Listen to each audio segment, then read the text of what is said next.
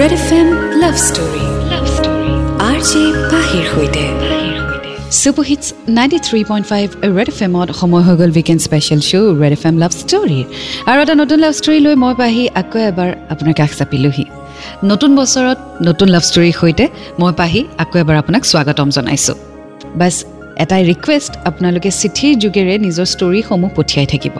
আজি যিখন চিঠি হাতত লৈছোঁ এই চিঠিখন পঠিয়াইছে গৌৰীপুৰৰ পৰা ৰবীন্দ্ৰনাথ দাসে।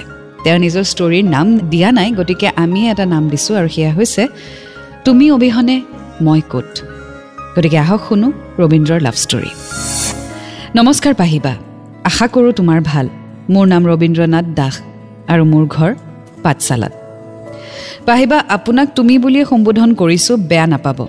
আপুনি সম্বোধন কৰিলে কিবা অকস্মাত চিনাকি হোৱা কোনোবা যেন ভাৱ হয়। তোমাৰ মাতটো ইমান চুইট পাহিবা তোমাৰ সেই মৰম লগা মাতটোৰে লাভ ষ্টৰীবোৰ শুনি বহুতেই বেছি ভাল লাগে পাহিবা। সেইকাৰণে আপোনাক মই তুমি বুলিয়ে সম্বোধন কৰিলোঁ। পাহিবা আমাৰ প্ৰেমৰ আৰম্ভণি হৈছিল ছ'চিয়েল মিডিয়া এপ ফেচবুকৰ জৰিয়তে। মোৰ প্ৰেয়সীৰ নাম ৰূপালী। তাইৰ ঘৰ বাক্সা জিলাৰ শালবাৰীত। চ' আজি আমি শুনি গৈ থাকিম ৰবীন্দ্ৰৰ লাভ ষ্টৰী তুমি অবিহনে মই ক'ত? F M love story love story R J পাহিৰ সৈতে শুনি আছে আপুনি weekend special show' red F M love story মই আছোঁ আপোনাৰ সৈতে পাহি। আজি শুনি আছোঁ ৰবীন্দ্ৰৰ লাভ ষ্টৰী তুমি অবিহনে মই ক'ত? আগলৈ তেওঁ লিখিছে পাহিবা ফেচবুকত মই প্ৰায়ে এক্টিভ থাকোঁ। মই এটা ব্যক্তিগত কোম্পানীত জব কৰোঁ। কামৰ মাজে মাজে মই মোবাইলটো খুচৰিও থাকোঁ। ত্ৰিছ এঘাৰ দুহেজাৰ একৈছ এই তাৰিখটোত মই ফটো একপি ফেচবুকত আপলোড কৰিছিলোঁ।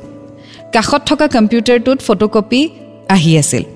চ' তাই চাগে মোৰ ফটোকপি ফ'ল' কৰি মোক মেছেজ কৰিছিল। ইণ্টাৰভিউ কেনেকুৱা হ'ল?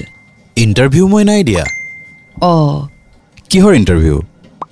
S S C? অ' মই একচুৱেলি ইণ্টাৰভিউ দিয়া নাই মোৰ লগৰ এজনেহে দিছিলে আৰু লগৰজনে ফটো মাৰি ফেচবুকত আপলোড কৰিছিলে। তুমি কি কৰা? মই জব কৰোঁ। আৰু ঘৰ? মোৰ ঘৰ পাঠশালা। আৰু তোমাৰ? মোৰ শালবাৰীত। অ' অ'কে ঠিক আছে good night okay bye good night সেইদিনা আমাৰ সৰুকৈ চিনাকি এটা হৈ গৈছিল। চ' ৰবীন্দ্ৰ আৰু ৰূপালী ফেচবুকতেই চিনাকি হ'ল এখন ফটোৰ যোগেদি। চ' আগলৈ কি হয় জানিবলৈ অপেক্ষা কৰক। এণ্ড ৰেড এফ এম বাজাতে ৰহো। Red F M love story love story R J পাহিৰ সৈতে। Superhits ninety three point five red F এমত মঞ্চ আপোনাৰ সৈতে পাহি শুনি আছে আপুনি weekend special show' red F M love story আজি শুনি আছোঁ তুমি অবিহনে মই ক'ত? ৰবীন্দ্ৰৰ লাভ ষ্টৰী আগলৈ তেওঁ লিখিছে পাহিবা এনেকৈ হাই হেল্ল' কৰি আমাৰ মেছেজ লাহে লাহে বাঢ়ি গৈ থাকিল আৰু আমি দুয়ো ফ্ৰেণ্ডশ্বিপৰ বান্ধোনত বান্ধ খাই পৰিলোঁ। ৰাতিপুৱা গুড মৰ্ণিঙৰ পৰা ৰাতি গুড নাইটলৈকে আমি কথা পাতিছিলোঁ। ছিক্স এপ্ৰিল তাই মোক এফ বিত কল কৰিলে। প্ৰথম মই কল ধৰিব নোৱাৰিলোঁ আৰু অলপ সময় পিছত তাইক মই কল বেক কৰিলোঁ। প্ৰথম দিনাই পাহিবা আমি fifty one minutes thirty seven second কথা পাতিলোঁ। অথচ তাইৰ মাতটো মই এদিনো শুনা নাই মোৰ মাতটো তাই কেতিয়াও শুনা নাছিল। কিন্তু সেইদিনাখনেই আমি ফেচবুক কলত বহুত সময় কথা পাতিলোঁ। এনেকৈ পাহিবা আমি নিসংকোচে দুয়ে দুয়োকে সকলো কথা শ্বেয়াৰ কৰা হ'লোঁ। চ' এটা ভাল ফ্ৰেণ্ডশ্বিপ গঢ়ি উঠিলে ৰবীন্দ্ৰ আৰু ৰূপালীৰ মাজত। চ' আগলৈ কি হয় জানিবলৈ শুনি থাকক আজিৰ ষ্টৰী তুমি অবিহনে মই ক'ত? এণ্ড ৰেড এফ এম বাজাতে ৰহো। Red F M love story love story R J পাহিৰ সৈতে। ৱেলকাম বেক শ্ব' চলি আছে weekend special show' red F M love story মই আছোঁ আপোনাৰ সৈতে পাহি আজি শুনি আছোঁ ৰবীন্দ্ৰৰ লাভ ষ্টৰী তুমি অবিহনে মই ক'ত? আগলৈ তেওঁ লিখিছে একৈছ এপ্ৰিল মই মোৰ বন্ধু ভাস্কৰৰ লগত তাৰ বন্ধুৰ বাৰ্থডেলৈ গৈছিলোঁ গাড়ীগাঁৱত। ভাস্কৰ ইঞ্জিনিয়াৰিং কমপ্লিট কৰি মোৰ লগত একেলগে কাম কৰি আছে। আৰু যাৰ বাৰ্থডে খাবলৈ গৈছিলোঁ তেওঁ ইঞ্জিনিয়াৰিং কমপ্লিট কৰি গুৱাহাটী ইউনিভাৰ্চিটিত এম বি এ কৰি আছে। আমি গৈ গা পা ধুই ফ্ৰেছ হৈ ল'লোঁ আৰু মোক ৰুমত থৈ ভাস্কৰ আৰু বাৰ্থডে বয় হাঁহ বিচাৰি গ'ল ৰাতি পাৰ্টিৰ কাৰণে। এতিয়া ৰুমত মই অকলে। চ' মই ৰূপালীৰ লগতে মেছেজ আৰম্ভ কৰিলোঁ। কথাৰ মাজতে আজি মই তাইৰ নম্বৰটো খুজিলোঁ। তাইৰ নম্বৰটো নিদিলে। তাৰপিছত মই মোৰ নম্বৰটোকে তাইক দি থৈ দিলোঁ। অলপ পিছত ভাস্কৰহঁত আহি পালে আৰু আমি কথাত বিজি হৈ পৰিলোঁ। আৰু দুটামান বেলেগ বন্ধু আহিছিলে বাৰ্থডে বুলি। অলপ সময় পিছতেই মোৰ মোবাইলত এটা আননোন নম্বৰৰ পৰা মেছেজ আহিলে। আৰু সেয়া নম্বৰ নিদিয়ে ছোৱালীজনীয়ে মানে ৰূপালী। এনেকৈ আমি আকৌ মেছেজৰ মাজত সোমাই গ'লোঁ। চ' ৰূপালীয়ে নিজৰ ফোন নম্বৰ শ্বেয়াৰ কৰিলে ৰবীন্দ্ৰৰ সৈতে। আৰু তেওঁলোকৰ ফেচবুকৰ পৰা এতিয়া ফোনত কনভাৰ্চেশ্যন আৰম্ভ হ'ল। চ' আগলৈ কি হয়? শুনি থাকক। এণ্ড্ৰইড এফ এম বা জাতে ৰাখো red F M love story love story R J পাহিৰ সৈতে। Welcome back to the show' red F M love story মই আছোঁ আপোনাৰ সৈতে পাহি। আজি শুনি আছোঁ আমি ৰবীন্দ্ৰৰ লাভ ষ্টৰী তুমি অবিহনে মই ক'ত? আগলৈ তেওঁ লিখিছে আমি দুয়ো এফ বিৰ পৰা হোৱাটছএপ কলিঙলৈ সম্পূৰ্ণৰূপে শ্বিফ্ট হৈ গ'লোঁ আৰু আমাৰ কথা বতৰা গভীৰ হৈ গৈ থাকিল। পাহিবা মই তাইক নাম এটা দিছিলোঁ অভিমানী। তাই সৰু সৰু কথাত বৰকৈ অভিমান কৰে। তাইও অভিমানী নামটো আঁকোৱালি ল'লে। নামটো বোলে তাইৰ বহুত ভাল লাগিছে। এনেকৈ ইটো সিটো কথা পাতোঁতে পাতোঁতে কেতিয়া তাইৰ প্ৰেমত মই পৰি গ'লোঁ গমকেই নাপালোঁ। তাইও মোক তাইক যে মই ভাল পাওঁ সেই কথাটো ক'বলৈ ইনডাইৰেক্টলি মোক হিণ্ট দি থকা হ'ল। আমাৰ দুয়োৰে মাজত কেয়াৰিঙো বাঢ়ি গ'ল। প্ৰত্যেকটো সৰু বৰ কথা কামত কেয়াৰ লোৱা সকলো বস্তু আমি শ্বেয়াৰ কৰা হ'লোঁ। পাহিবা কোনোবাই কাৰোবাৰ কেয়াৰ ল'লে শাসন কৰিলেতো তাইৰ প্ৰতি এটা আনকণ্ডিশ্যনেল ভালপোৱা সৃষ্টি হ'বই ন? তাইৰ প্ৰতিও মোৰ কেয়াৰিং ভাৱ আহিবই। এয়াই চাগে ভালপোৱা পাহিবা। চ' যিমানেই সময় পাৰ হৈছে যিমানেই তেওঁলোকৰ কনভাৰ্চেশ্যন বাঢ়ি গৈছে সিমানেই তেওঁলোকে ইম'চনেলি এটা বণ্ডত সোমায়ো পৰিছে। চ' আগলৈ কি হয় জানিবলৈ অপেক্ষা কৰক কেনবাৰ এফ এম বা জাতে ৰহো। Red F M love story love story R J পাহিৰ সৈতে। ৱেলকাম বেক শ্ব' চলি আছে weekend special red F M love story মই আছোঁ আপোনাৰ সৈতে পাহি শুনি আছোঁ। ৰবীন্দ্ৰৰ লাভ ষ্টৰী তুমি অবিহনে মই ক'ত?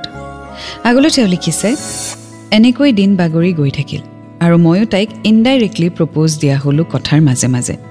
তাইও দিয়ে। ডাইৰেক্ট ক'বলৈ কিবা সাহস নহয়। তাইৰ মোবাইলত ৰিচাৰ্জ শেষ হ'লে তাই মোক খুৰীমাকৰ মোবাইলেদি কল মেছেজ কৰে। এদিন তাই খুৰীমাকৰ মোবাইলেদি মোক মেছেজ কৰিলে। মেছেজত মই কোন বুলি সুধিলে? ময়ো উত্তৰত ক'লোঁ ৰবীন্দ্ৰ ৰূপালীৰ ফ্ৰেণ্ড সেইফালৰ পৰা ৰিপ্লাই আহিলে তুমি ৰূপালীক ভাল পোৱা নেকি? মই ৰিপ্লাই দিলোঁ আমি জাষ্ট ফ্ৰেণ্ডছহে যিমানেই যি নহওক পাহিবা ঘৰৰ মানুহৰ আগত ডিৰেক্টলি ক'বলৈ ভয় লাগে দিয়াচোন। পিছত মই তাইক যেতিয়া কল কৰিলোঁ গম পালোঁ সেয়া অন্য নহয় তাইয়ে হয়। তাইয়ে একচুৱেলি মেছেজ কৰি আছিলে। দিনটো তাই মোৰ খবৰ লৈ থাকে ক'ত কি কৰি আছোঁ ময়ো তাইৰ খবৰ লৈ থাকোঁ। আৰু এনেকৈ সময় পাৰ হৈ গৈ থাকিলে। চ' আগলৈ কি হয় জানিবলৈ অকণমান অপেক্ষা কৰক এণ্ড ৰেড এফ এম বা জাতে ৰহো। Red F M love love R J পাহিৰ সৈতে। ৱেলকাম বেক শ্ব' চলি আছে weekend special red F M love story মই আছোঁ আপোনাৰ সৈতে পাহি আজি শুনি আছোঁ আমি ৰবীন্দ্ৰৰ লাভ ষ্টৰী তুমি অবিহনে মই ক'ত আগলৈ তেওঁ লিখিছে পাহিবা তাই এইবাৰ বি এ ছিক্স ছেমিষ্টাৰৰ এক্সাম দিছে তাই শালবাৰী কলেজত পঢ়ে অসমীয়া বিভাগত মেজৰ তাইৰ পাহিবা তাই এক্সামৰ কাৰণে তাইক মই অকণমান কল কৰাটো কমাই দিলোঁ তাৰপিছত এক্সাম শেষ হ'ল আৰু আমি আকৌ আগৰ দৰেই কল কৰা আৰম্ভ কৰিলোঁ কিন্তু তাই অলপ সলনি হোৱা যেন মোৰ অনুভৱ হৈছে। তাই যেন মোৰ পৰা লাহে লাহে আঁতৰি যাবলৈ চেষ্টা কৰি আছে। কথাটো মই অনুভৱ কৰিলোঁ কিন্তু প্ৰকাশ কৰা নাছিলোঁ। তাইও একো প্ৰকাশ কৰা নাছিলে। পাহিবা তাৰপিছত মই তাইক প্ৰপ'জ কৰিয়ে পেলালোঁ। তাই হাঁ না একোৱেই নক'লে। তাই মোৰ পৰা লাহে লাহে আঁতৰিহে যাব ধৰিলে। কল মেছেজ একোৱেই নিদিয়া হ'ল। মই মেছেজ দিলেও বহুত দেৰিকৈ ৰিপ্লাই কৰে। ফোন নধৰা হ'ল। নেজানো কিয়। মোৰ মনটো বহুত ডাউন হ'ব ধৰিলে। অকস্মাত তাই কিয় এনেকুৱা কৰিলে নাজানো। কোনোবা থাৰ্ড পাৰ্চন সোমাইছে নেকি সেইটোও মই নাজানো। তাই সুধিলে নাই বুলিয়ে কয়। কিন্তু মোৰ লগত কথাও নাপাতে। মই বহুত দুখত থাকিবলৈ ল'লোঁ। তাইৰ অনুপস্থিতিত তাইক বেছিকৈয়ে মনত পৰি থকা হ'ল। চ' আমি যিটো ভাবি আছিলোঁ তাৰে ওলোটাটোহে হ'ল। ৰবীন্দ্ৰ আৰু ৰূপালীৰ ৰিলেশ্যনশ্বিপ আৰম্ভ হোৱাৰ আগতেই দেখোন শেষ খবৰ হ'ল। ৱেল কি হ'ল সেয়া আমিও নাজানো আৰু কিছু কথা লিখিছে আগুৱাই গৈ থাকিম আজি ষ্টৰীৰ সৈতে এণ্ড ৰেড এফ এম বা জাতে ৰহ red F M love story love story R J পাহিৰ সৈতে super hits ninety three point five red F এমত মই আছোঁ আপোনাৰ সৈতে পাহি শুনি আছে আপুনি weekend special show' red F M love story আজি শুনি আছোঁ আমি ৰবীন্দ্ৰনাথ দাসৰ লাভ ষ্টৰী তুমি অবিহনে মই ক'ত আগলৈ তেওঁ লিখিছে দিনটো বাৰু কামত থাকোঁ। বেছিভাগ ষ্টাফ আমাৰ সমনীয়া গতিকে হাঁহি ধেমালিৰে দিনটো পাৰ হৈ যায়। মনত পৰিলেও তাইক সেইখিনি সময় যেন অলপ হ'লেও পাহৰি যাওঁ। কিন্তু ৰাতিহে বহুত বেছি মনত পৰে। বহুত বেছি মিছ কৰোঁ তাইক। বহুত বেছি ভাল পাইছিলোঁ তাইক পাহিবা। প্ৰথম প্ৰেমত পৰিছিলোঁ সেইকাৰণে চাগে। তথাপি পাহিবা তাই য'তেই থাকে যাৰ লগতেই থাকে যাতে কুশলে থাকে তাইৰ ভাল হোৱাটোৱে মই বিচাৰোঁ। যদিও বা অভিমানীবিহীনভাৱে আগবাঢ়িবলৈ মোৰ বহুত বেছি কষ্ট হৈছে। বহুত বেছি মৰম কৰিছিলোঁ তাইক। তথাপি চাগে ক'ৰবাত কিবা কমি ৰৈ গ'ল। আজীৱন মই তাইক ভাল পাই যাম। শেষত তাইৰ জীৱনটো যাতে বহুত বহুত বেছি সুখ শান্তি হাঁহি আনন্দৰে ভৰি থাকে। ভগৱানৰ ওচৰত এয়াই প্ৰাৰ্থনা মোৰ। পাহিবা এয়াই মই প্ৰথম চিঠি লিখিছোঁ। ক'ত কি লিখিব লাগে নাজানো। বানান ভুল হ'ব পাৰে। আপুনি শুধৰাই লৈ পঢ়িব বুলি আশা থাকিল। মনত যি আহে অনুভৱবোৰ লিখি গৈছোঁ। আপোনাৰ শুৱলা মাতৃৰে মোৰ জীৱনৰ কাহিনীটো পঢ়িব বুলি বহুত আশাৰে ৰৈ থাকিলোঁ পাহিবা well Rabindra thank you so' much তুমি তোমাৰ ষ্টৰি শ্বেয়াৰ কৰিলা। But before it started it has ended I mean আৰম্ভণি যিহেতু হোৱাই নাছিলে গতিকে শেষৰো প্ৰশ্ন নুঠেই। গতিকে তোমাৰ আৰম্ভণি আকৌ হ'ব। This was not meant to be so' সেইকাৰণে একোৱেই নহ'ল। It was a good friendship I would say আৰু কেতিয়াবা কিছুমান মানুহ আমাৰ সময়ৰ লগত নোহোৱা হৈ যায়। চ' ৰূপালীও এনেকুৱাই হ'ব তোমাৰ জীৱনত সময়ৰ লগত তাইও নোহোৱা হৈ গ'ল। যিখিনি সময় আছিলে ভাল ফ্ৰেণ্ড হিচাপে আছিলে। এতিয়া আৰু তাইক তুমি লগত লৈ জীৱনটো হয়তো আগবাঢ়িব নোৱাৰিবা কাৰণ তোমাৰ জীৱনলৈ আৰু বেলেগ বেলেগ মানুহ আহিব। This was one of the chapter আমি যিমান মানুহ জীৱনত লগ পাওঁ চবটো আমাৰ লগত নাথাকে ন? So' this was one of it so' I wish you all the best and may you find love very soon এয়া আছিলে আজি লাভ ষ্টৰী তুমি অবিহনে মই ক'ত? এটি নতুন ষ্টৰীৰ সৈতে আকৌ লগ পাম। Until then to fall in love it's a great feeling you will get to learn a lot and always remember I love you red F M বাজাতে ৰহো।